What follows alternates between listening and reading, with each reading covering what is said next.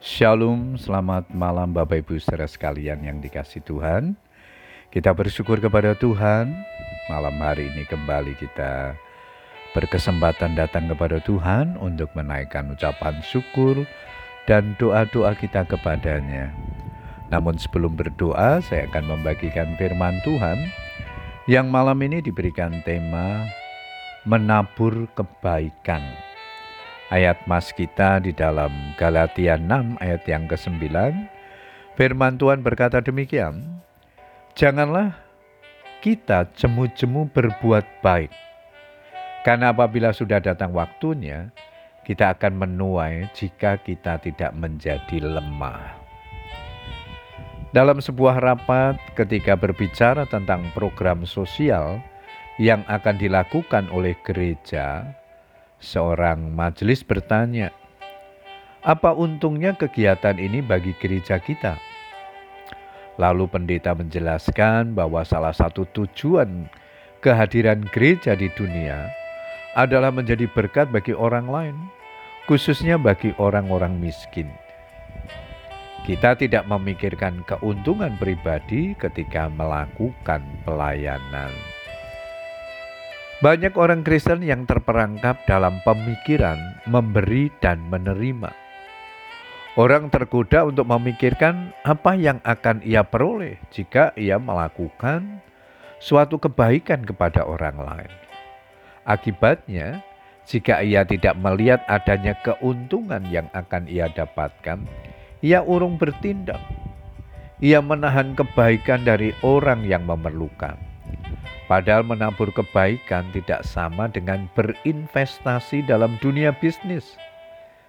Kita tidak selalu menerima balasan dari orang yang kita bantu. Namun, tidak jarang kita menuai kebaikan di tempat lain. Tidak dapat diprediksi dan karena itu malah berpotensi mendatangkan kejutan yang membahagiakan. Paulus mendorong jemaat di Galatia untuk saling menolong dan saling menanggung beban. Itu suatu cara praktis bagi orang percaya untuk menggenapi hukum Kristus, yaitu hukum kasih. Kasih seharusnya memancar kepada semua orang. Apakah kita tergoda menahan kasih dari orang yang memerlukannya hanya karena mereka berbeda dari kita? Atau karena kita merasa tak akan mendapatkan keuntungan dari perbuatan baik kita. Penuhilah hukum Kristus dengan menabur kebaikan kepada semua orang. Bapak Ibu saudara sekalian yang dikasih Tuhan, mari kita terus belajar menjadi berkat bagi orang lain. Kita telah menerima berkat-berkat Tuhan dalam kehidupan kita baik dalam rumah tangga, usaha pekerjaan kita. Ketika kita melihat orang lain di sekitar kita yang membutuhkan uluran tangan kita, adakah kita digerakkan untuk melakukan sesuatu kepada mereka? Firman Tuhan berkata bahwa orang-orang miskin selalu ada di antara kita.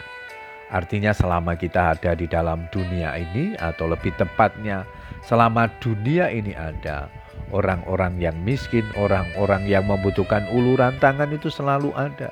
Meskipun dunia berubah, dunia semakin maju, dunia semakin makmur, tetaplah ada orang-orang yang memiliki tingkat kehidupan yang demikian.